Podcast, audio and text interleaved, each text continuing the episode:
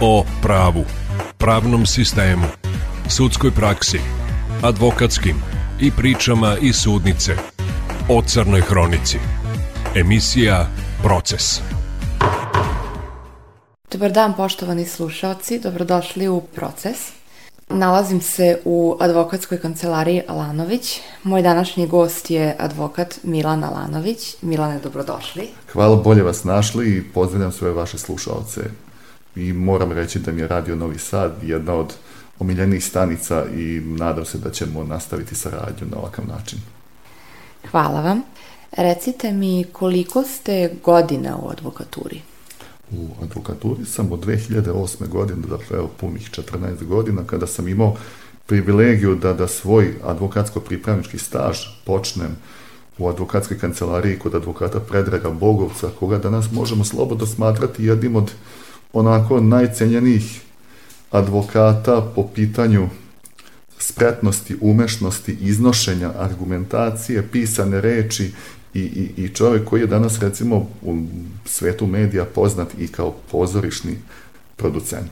I sarađuje danas i sa mnogim, sa mnogim drugim pozorišnim kućama, što mu je jedan, kad kažem, postao hobi, a sve što sam ja u životu i u advokaturi naučio u profesionalnom smislu u poslednjih 15 godina mogu da zahvalim njemu. Zašto ste odlučili da se bavite krivicom i zašto baš advokatura? Pa moram biti pošten, ja sam pre toga, pre nego što sam počeo da budem advokatski pripremnik, radio godinu, godinu i po dana u osnovnom sudu u Novom Sadu kao sudijski pripravnik i prosto završivši pravni fakultet našao sam se na nekoj prekretnici gde ja lično nisam mogao sebe da smestim u sistemu šta je to čime bih ja mogao da se bavim.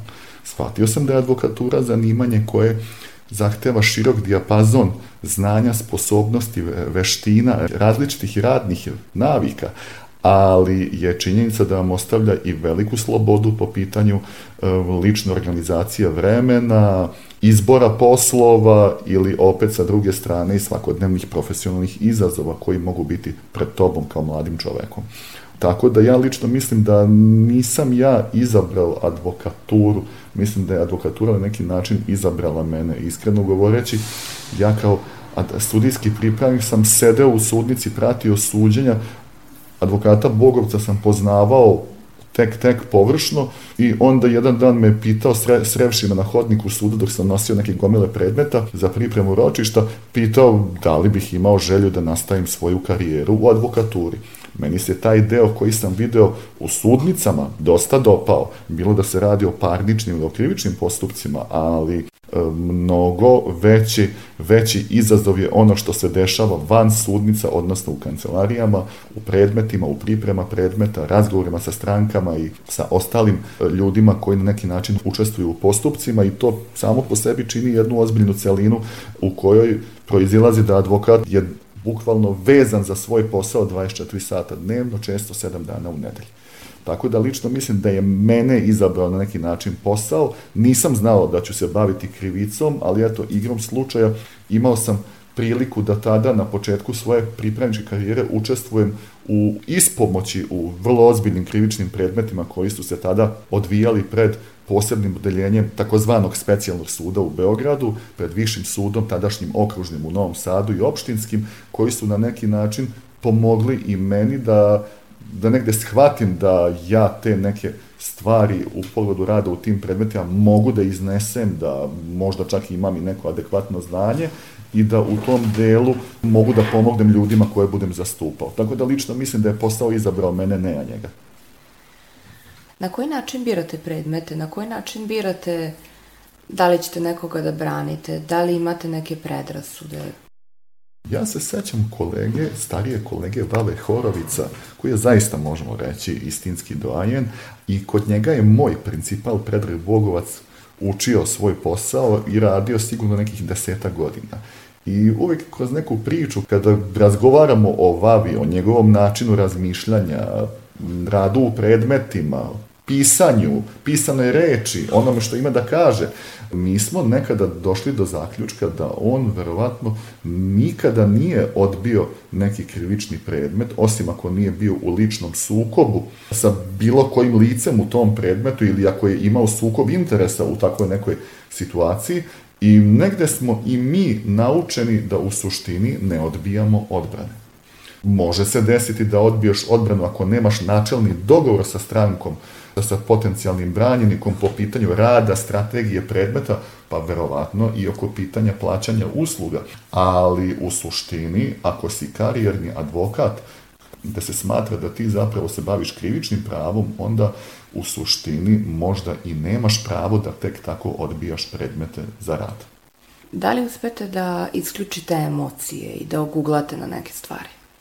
Ja mislim da termin oguglati je možda malo, da kažem, preoštar i možda za, za obične ljude se može uzeti kao adekvatan, da se čovek može navići na loše činjenice koje svakodnevno ti se nađu u tom predmetu na loše događaje, na ružne događaje, na ružna dešavanja, ružne životne situacije, čovjek se može delimično navići i živeti sa informacijom da se to desilo, ali da svaki predmet pojedinačno mora da uzme i deo tebe, tu nemam sumnju.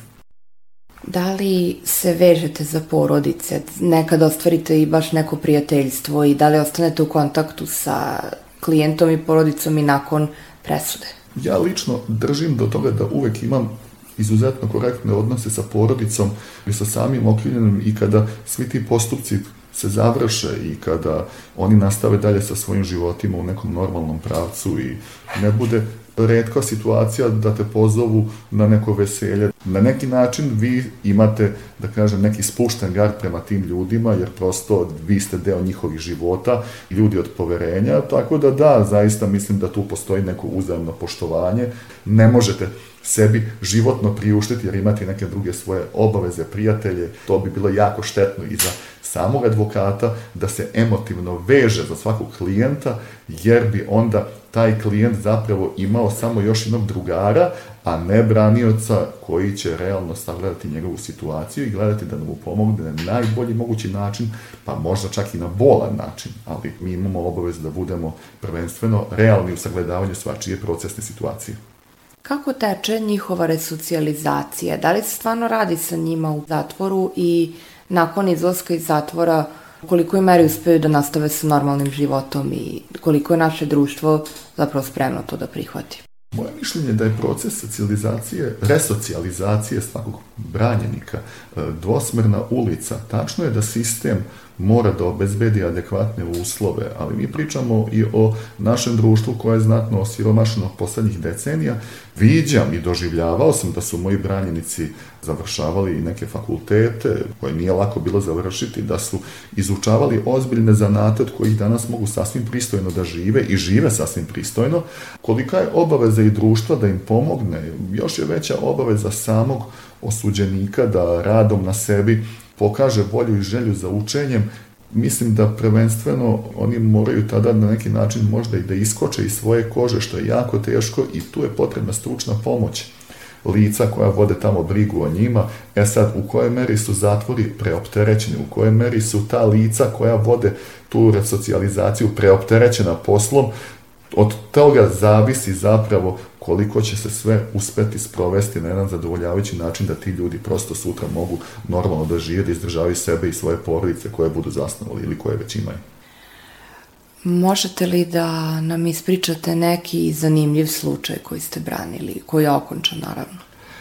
Ja se sećam da sam sad nedavno imao jednog mog dobrog branjenika, tako ćemo ga nazvati, Pera, koji je bio profesionalni džeparoš. Njegova, da kažem, specijalnost su bile da ulazi u ordinacije, frizerske, kozmetičke salone i da samo nešto pita, što ja kažem, samo tetki da odnese lek i dok izađe, on tu neke jakne uspe da prepipa, da izvuče neki novac i da na najbližem bankomatu realizuje te kartice.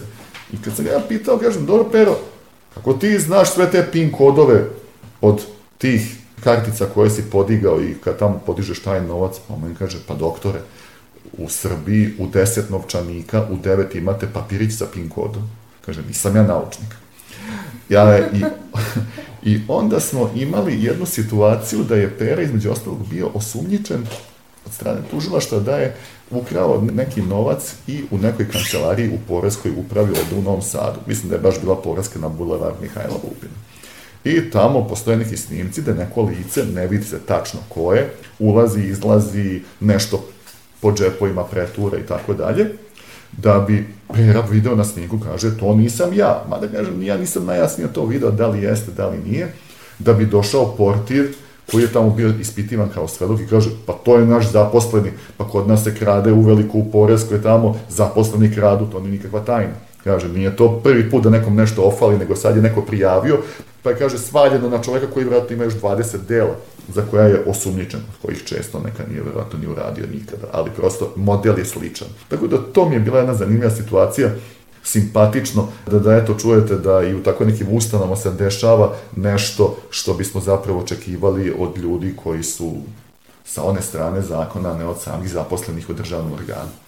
Da li imate neku poruku za mlade ljude koji vide u kriminalu lepši način života i laku zaradu i kao nešto čime žele da se bave? Ima. Volite se. Volite sport, volite svoje komšije. Svaki čovjek koji izađe na ulicu ustao je sa nekim problemom, leže sa nekim problemom, baš kao što ste i vi to uradili. Već sa samom svešću da tamo neko drugi preko puta tebe ima neki životni problem koji možda je za tebe beznačajan, ali njegov najveći problem sa kojim se trenutno suočava, već kod tebe će stvoriti neko osjećanje samilosti i saosećanja. A ovo sve govorim iz razloga što svaki dan slušamo da mladi ljudi počine i neko potpuno bestijalno ili nenormalno delo ili delo koje je prosto proisteklo iz njihovih jakih emocija. Samo je potrebno da shvate da nisu jedini na ovom svetu koji imaju probleme i da svako ima neki svoj životni problem, svoj neki unutrašnji rat koji mora da vodi. I zato bih svakome prvo poručio ljubav. Prvo ljubav, onda sve ostalo. Mnogo vam hvala što ste govorili za Radio Novi Sad. Nema na čemu, tu sam uvek na raspolaganju i pozdravljam vas puno. Proces.